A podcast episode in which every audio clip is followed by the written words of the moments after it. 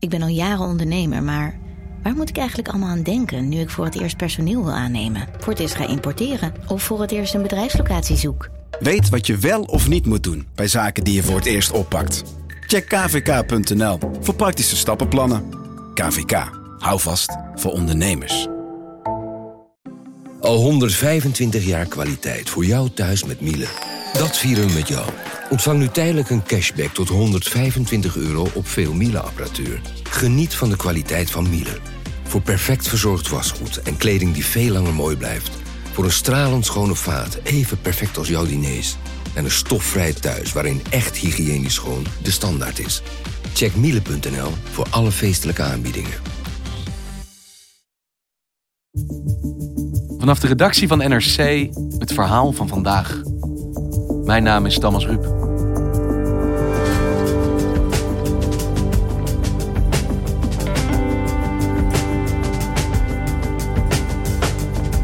Het zijn de verfreuzen van Nederland.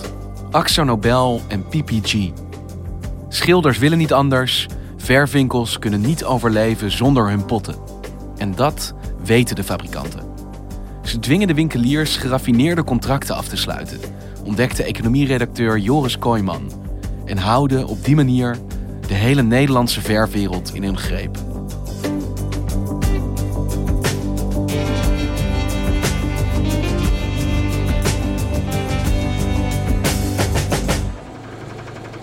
Ja, zonder schudden kun je eigenlijk niet. Je moet wel, want roeren is eigenlijk geen optie. En dat is leuk voor twee blikjes per dag, maar niet als je er 20 of uh, 120 staat te maken. Eind vorig jaar ben ik uh, langs gegaan bij een verfzaak in Nieuw-Lekkerland. Dat is uh, onder Rotterdam. En dat is de verf- en behangzaak van Ed Verzeil. En Ed Verzeil zit al 30 jaar in het vak. Had ook een schildersbedrijf, komt uit een familie uh, van schilders en ververkopers. En als je komt binnen en nou ja, het bekende beeld, schappen met blikken verf. En in het hart van de zaak, in het midden, toonbank met daarachter een paar grote mengmachines. Het zijn uh, vrij grote apparaten met een computer erop. Um, waar je kan programmeren hoe de verf eruit moet, eruit moet zien. En die gaan het dan voor jou uh, op kleur mengen. Ondertussen heb ik het blik open en uh, dit is de kleur. Ja. De grijze kleur. Ja. Dus dat, uh, ja, het is bijna een soort tovenarij. Maar uh, zo werkt het wel. Iedere verfzaak heeft er een. En zoals ik zei, het is het hart, van de, hart en ziel van de verfwinkel. Maar er zit ook een andere kant aan de mengmachine. Het is namelijk ook een machtsmiddel.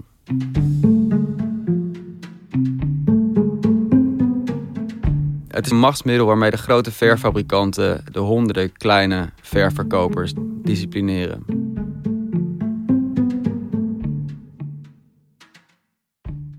En waarom ben jij je gaan verdiepen in de wereld van de verf? Ja, het is een wereld die ik ook totaal niet kende. Behalve als consument die af en toe uh, zijn huis moet schilderen. Van binnen dan wel. Mm -hmm. Maar um, wij kregen een tip binnen bij de economieredactie van een, uh, een verfhandelaar. Die schreef, uh, iemand van jullie moet zich eens verdiepen in de verfhandel. Hoe het kan dat die prijzen zo hoog zijn. En wat eigenlijk de machtspositie is van de grote verfabrikanten. En als je dan zo'n tip krijgt, hoe ga je dan aan de slag? Nou, ik heb eerst de tipgever zelf benaderd. Die wilde wel zijn verhaal vertellen, hoe hij dacht dat het uh, in elkaar zat. Alleen um, hij wilde dat absoluut anoniem doen. Dus niet met zijn naam in de krant? Nee. En hij maakte ook een wat voorzichtige, om niet te zeggen angstige indruk. Dus hij wilde dat jullie ermee aan de slag gingen, maar niet dat hij degene zou zijn die dat verhaal vertelde ook. Precies. Dus wat doe je dan? Toen ben ik gaan rondbellen naar andere ververkopers. De meeste mensen die ik sprak, die waren eigenlijk, uh, die wilden best graag vertellen over hun wereld en hoe de verhoudingen er lagen. Alleen niemand wilde dus met zijn naam in de krant. Um, behalve Ed Verzeil uit Nieuw-Lekkerland en iemand die al gepensioneerd was. De anderen durfden eigenlijk niet met hun naam in de krant om hun zakelijke belangen niet in het geding te brengen. Dat was steeds het verhaal. Ik wil je wel vertellen hoe het zit, maar hou me alsjeblieft anoniem, want ik heb geen zin in gezeik eigenlijk. uiteindelijk heb ik zoveel mensen gesproken uit die verfwereld... ehm, dat ik wist hoe die wereld in elkaar zat. Ook al wilde maar een heel klein aantal on the record zijn verhaal doen. Ja, want je zei je wist eigenlijk niet zo heel veel meer van verf dan de verf die je gebruikt om je eigen muren mee te schilderen. Dat is inmiddels natuurlijk wel anders. Want hoe ziet die wereld van de verf eruit in Nederland? Ja, je hebt twee grote verfabrikanten, Axo Nobel en PPG. En die voeren de merken Sikkens en Sigma. Dat wordt vooral gebruikt door de professionele schilders. Dat zijn de dure merken, de A-merken. En dan heb je Flexa van Axo Nobel en Histor van PPG. Dat Ja. zijn de merken die jij en ik kopen in de, in de bouwmarkt. Ja, die laatste twee die ken ik. Ehm, ja, jij en ik kopen vooral Flexa en Histor, de goedkope merken. Mhm. relatief goedkoop. De professionele markt werkt, de schilders werken met Sikkens of Sigma. En die merken zijn zo dominant in Nederland dat je als ververkoper eigenlijk niet goed kan bestaan zonder dat je een van die twee merken verkoopt. Ververkopers zeggen allemaal, je bent eigenlijk afhankelijk van een van deze twee merken. Kun je, kun je als verwinkel overleven zonder dat je Sikkens of Sigma verkoopt? Beperkt. Ehm, in, in zekere zin in Nederland, de weg van de minste weerstand is natuurlijk wel via de Sikkers en Sigma. Dit zijn de merken in Dit zijn Nederland. de merken in Nederland, ja. Een Nederlandse verf- en lakfabriek heeft haar gebouwencomplex uitgebreid met een laboratorium voor researchwerk. In dit laboratorium, dat een der modernste is van Europa, worden verf- en laksoorten verbeterd en aan de nieuwste technieken aangepast. Eh, tegenwoordig is Sigma dus eigendom van het Amerikaanse PPG. Maar Sigma komt gewoon uit Nederland. Ehm, en Sikkens eh, komt ook uit Nederland en is uiteindelijk in handen gekomen van Axo Nobel. En dan lijkt het mij als deze merken zo gewild zijn. Nou ja, jij bent de economie-redacteur, ik niet. Maar dat dan qua marktwerking de prijs ook omhoog gaat. Ja, dat is het logische gevolg. Ehm, een veelgebruikte Sikkens variant. Eh, een, zogenaamde hoogglans houtverf die veel wordt gebruikt. Een blikje, eh, een liter, kost zo bijna 88 euro. En dat is de prijs die je in Nederland betaalt. Opvallend is dat in andere Europese landen, bijvoorbeeld in Duitsland, Italië, Engeland, eh, België, er zijn dezelfde varianten Sikkens of Sigma verf, soms onder een net andere naam, ehm, voor lagere prijzen te kopen. Als je naar ververkopers luistert, kan het zo 10, 20, 30 procent goedkoper zijn in het buitenland. En dit gaat om exact dezelfde verf. Dezelfde merken van dezelfde fabrikanten die in het buitenland veel goedkoper zijn dan hier. Ja, soms hebben varianten in het buitenland een andere naam, maar ververkopers zijn het erover eens. Het is dezelfde verf. En hoe komt dat? De verfabrikanten zeggen de prijs is afhankelijk van bijvoorbeeld de lonen die daar worden betaald, de prijzen voor grondstoffen, belastingregels, allerlei factoren. Ververkopers hebben een veel simpeler antwoord. Die zeggen hier in Nederland is die verf razend populair, veel populairder dan in het buitenland, dus liggen de prijzen hier hoger. Ja, maar dan zou je toch denken als dezelfde verf goedkoper is in, ik weet niet, Duitsland. Nou, haal je het uit Duitsland.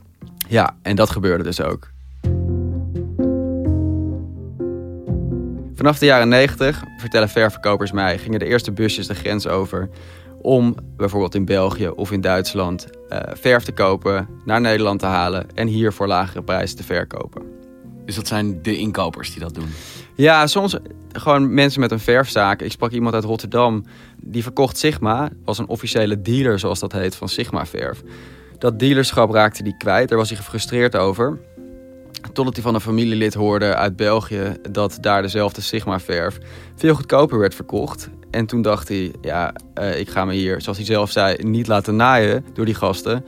Dus die is naar België gereden, is dat spul, spul gaan kopen en in zijn eigen winkel in de buurt van Rotterdam gaan verkopen.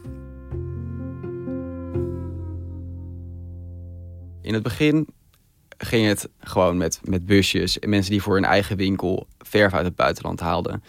Um, maar sinds de eeuwwisseling, zeker met de opkomst van internet, zie je dat het steeds groter wordt. Mensen vertellen over vrachtwagens vol die uit Italië naar Nederland rijden. Met Sikkens of Sigma aan boord. Maar ja, je bent eigenlijk gek als je het niet doet ook. Want het is dus precies hetzelfde product wat goedkoper is in het buitenland. Ja, tuurlijk haal je dat dan daar. Ja, parallelhandel heet dat. En um, inderdaad, er ontstond na de eeuwwisseling een gouden parallelhandel in Sikkens en Sigma verven. En wat betekende dat voor de verfprijs in Nederland en eigenlijk die markt zoals die hier was? Voor de consument of de schilder betekende het dat hij Sikkens en Sigma uh, verven veel goedkoper kon kopen als hij naar het juiste adres ging. Dus je kunt zeggen, voor hem was het goed nieuws. Voor de ver speciaalzaken die hier niet aan meededen, was het slecht nieuws. Want die zagen ineens de concurrent verderop uh, hetzelfde product voor een veel lagere prijs aanbieden. Dus die hadden een probleem. En daar kreeg je toch een soort prijsdumping eigenlijk. Dat was het effect eigenlijk in Nederland. Dat daar toch partijen voor, voor eh, nou ja, maar een, een klein percentage van de prijs van, eh, van Nederland aangeboden werden. Dat verstoorde de markt natuurlijk enorm. Aanvankelijk was dat denk ik niet zo'n probleem. Zolang het op kleine schaal gebeurde. Maar als er op grote schaal verf worden verkocht voor een veel lagere prijs, raakt het uiteindelijk natuurlijk ook de marges van de verffabrikanten. Want het is wel hun verf die verkocht wordt, maar niet meer met de marges die ze in Nederland hadden. Precies. Dus wat doen ze als ze erachter komen hoe groot die parallelhandel, zoals je dat noemt, aan het worden is in Nederland? Ververkopers vertellen dat vanaf 2009, 2010 dat ze te maken kregen um, met serieuze handhaving van de kant van AxoNobel en PPG. Stonden er vertegenwoordigers op de stoep die wilden weten welke mengmachines ze gebruikten, wat voor software daarop zat. Ja, en of ze zich wel hielden aan de regels van de fabrikanten. Uh, ze vertellen mij dat de deurwaarders langskwamen, mengmachines uh, werden ingenomen. En er werd ze te verstaan gegeven dat ze nooit meer Sikkens of Sigma verf mochten mengen op die oude machines van ze. Uh, en ze werden voor de keus gesteld eigenlijk. Of je koopt een machine van de fabrikant. En je uh, tekent daarbij een licentieovereenkomst voor de software. Je tekent een contract waar duidelijk in staat aan welke regels je moet houden. Overtreed je die, dan ben je je licentie op je software kwijt en kun je geen Signals of Sigma meer verkopen. Ja, dus tekenen of iets anders gaan verkopen. Ja, dat was eigenlijk uh, de keuze waar ze voor gesteld werden. Ja. Het ging zo'n kwaliteitscontrole, is hun verhaal. Um, zij moeten zeker weten dat de verf die gemengd wordt op die machines ook daadwerkelijk van Sikkens of Sigma is. En ze zeggen, ja, we hadden het vermoeden um, dat het nog wel eens anders was. Dat er gewoon andere verven onder de naam Sikkens of Sigma werden verkocht. Want stond er in dat contract dat ze moesten tekenen ook iets over die parallelhandel die de fabrikanten misschien wilden tegengaan? In het contract staat inderdaad niet met zoveel woorden dat je geen verf uit het buitenland mag halen. Maar ze doen ook, ze doen ook het onderhoud van de mengmachines. En tijdens het onderhoud kunnen ze zien hoeveel verf er op die machine is gemengd. Maar ze weten ook wat jij hebt ingekocht bij de fabrikant. Dus je kunt dat gewoon tegen elkaar afzetten en daaruit concluderen of er ergens anders ver vandaan is gekomen. Ik heb één iemand gesproken die zegt dat hij op zijn vingers is getikt. En heeft moeten beloven dat hij dit nooit meer doet. Is zijn verhaal. Hij zegt, ja, bij mij kwamen ze er inderdaad tijdens een onderhoudsbeurt achter dat ik meer had gemengd dan ingekocht. En uh, daar ben ik op aangesproken. Um, ik heb het van nog een, een ververkoper gehoord trouwens. Um, maar verder zegt iedereen, we weten dat, dat ze dit kunnen doen, dus doen we het niet.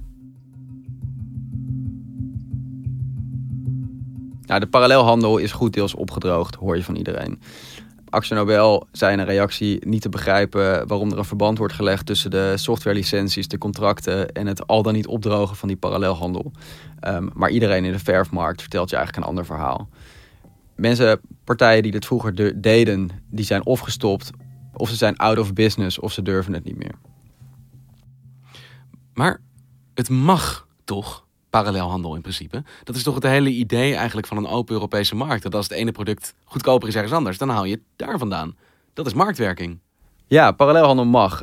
Expliciet. De, de, de EU moedigt het bijna aan, zou je kunnen zeggen. En Axel Nobel weet ook heel goed dat parallelhandel mag. Uh, ze hebben zelf een behoorlijk verleden qua mededingingsproblemen. En in 2004 heeft uh, Axel Nobel nog een boete gekregen van uh, toenmalige eurocommissaris Nelly Kroes hè, voor mededinging. Why? For price fixing and market sharing in the choline chloride market. Dat ging om een boete van 66 miljoen euro, uh, ook voor kartelvorming. Zero tolerance. Uh, to those who operate cartels to the disadvantage of at the end de consumers. Um, en een jaar later heeft topman Hans Weijers, uh, die toen bij Axel Nobel zat, uh, ook echt zijn excuses aangeboden in een persbericht volgens mij zelfs. We gaan hier nooit meer onze vingers aan branden, was toen het verhaal. Mm -hmm. onlangs nog is bierfabrikant AB InBev, de producent van uh, de Jupiler biertjes, uh, beboet. 200 miljoen boete kregen ze vorig jaar vanwege pogingen om de parallelhandel in Jupiler te frustreren. 200 miljoen euro boete voor biergigant AB InBev, opgelegd door de Europese Commissie. Het bedrijf belemmerde de verkoop van Jupiler bier uit Nederland aan de Belgen. En daardoor moesten de Belgen meer betalen dan nodig was. Dat ging de andere kant op. Dat ging van Nederland gingen die flesjes naar België, omdat ze in België uh, duurder waren. Daar, is, daar is Jupiler populairder dan hier. Ab InBev, de brouwer van het bier, maakte de goedkopere biertjes onverkoopbaar voor de Belgen. Franstalige informatie werd bijvoorbeeld van het etiket verwijderd.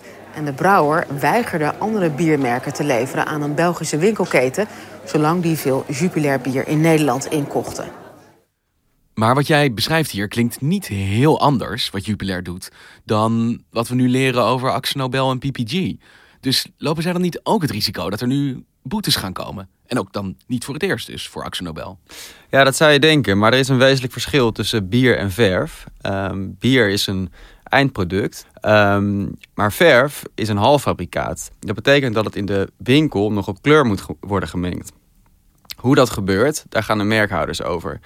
En uh, dat is zo omdat zij moeten kunnen garanderen dat uh, het merk dat zij verkopen ook daadwerkelijk de kwaliteit heeft uh, ja, die, die, zij voorstaan. Ja, dus bij een biertje is Jupiler verantwoordelijk dat het het goede biertje is. Albert Heijn, noem maar iets te noemen, die hoeft het alleen maar door te geven. Maar er ligt hier een verantwoordelijkheid bij de verwinkels dat ze het op de juiste manier mengen. Precies dat, ja. Ja, het is, ook, het is ook een paar keer voor de rechter getest. Er zijn rechtszaken geweest tussen verfabrikanten en ververkopers... die bijvoorbeeld met tweedehands mengmachines werkten... en met software uh, die volgens Axel Nobel en PPG niet de juiste was. Uh, het ging eigenlijk in bijna alle, al die gevallen ook om uh, geïmporteerde verf. Um, maar de verfabrikanten hebben bijna al die rechtszaken gewonnen. En puur op dit intellectueel eigendom en auteursrecht Punt. Dus je hebt als verfabrikant veel ruimte om te bepalen hoe die verf wordt gemengd, omdat je voor de kwaliteit moet kunnen instaan. En jij hebt hierover gepubliceerd. Heeft dat iets teweeggebracht? Heb jij reacties gehad? Want ik vermoed dat die tipgever natuurlijk hoopt dat er hierdoor iets verandert. Ja, nou of er iets verandert, eh, dat is een sterke vraag. Ik heb wel behoorlijk wat reacties gehad. En die waren heel verschillend.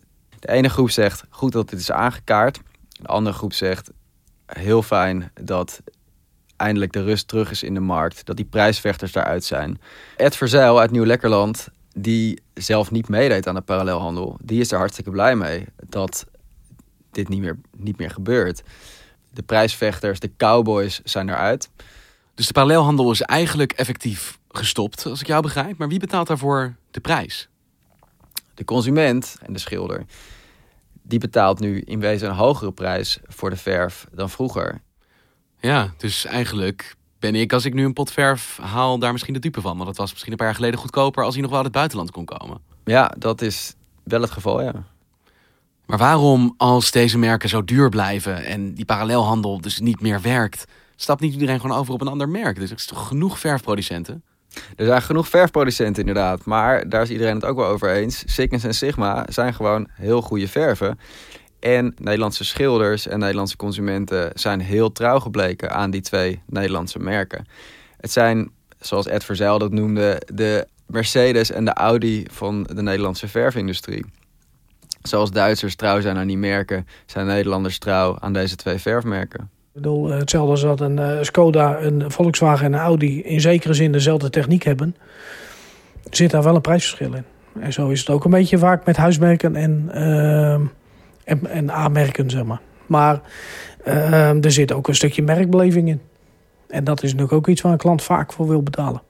En dat lijkt niet te veranderen, zelfs niet met prijzen die misschien iets hoger liggen dan ze zouden hoeven zijn? Die indruk heb ik niet, nee. Nee. Dankjewel. Graag gedaan. Je luisterde naar vandaag, een podcast van NRC. Eén verhaal, elke dag. Vandaag wordt gemaakt door Mirjam van Zuidam, Henk Ruigrok van der Werven, Tessa Kolen, Julie Blusset, Ido Havinga, Jan-Paul de Bond, Ruben Pest, Felicia Alberding, Jeppe van Kesteren en Jennifer Patterson. De muziek die je hoort is van Rufus van Baardwijk. Dit was vandaag, maandag weer.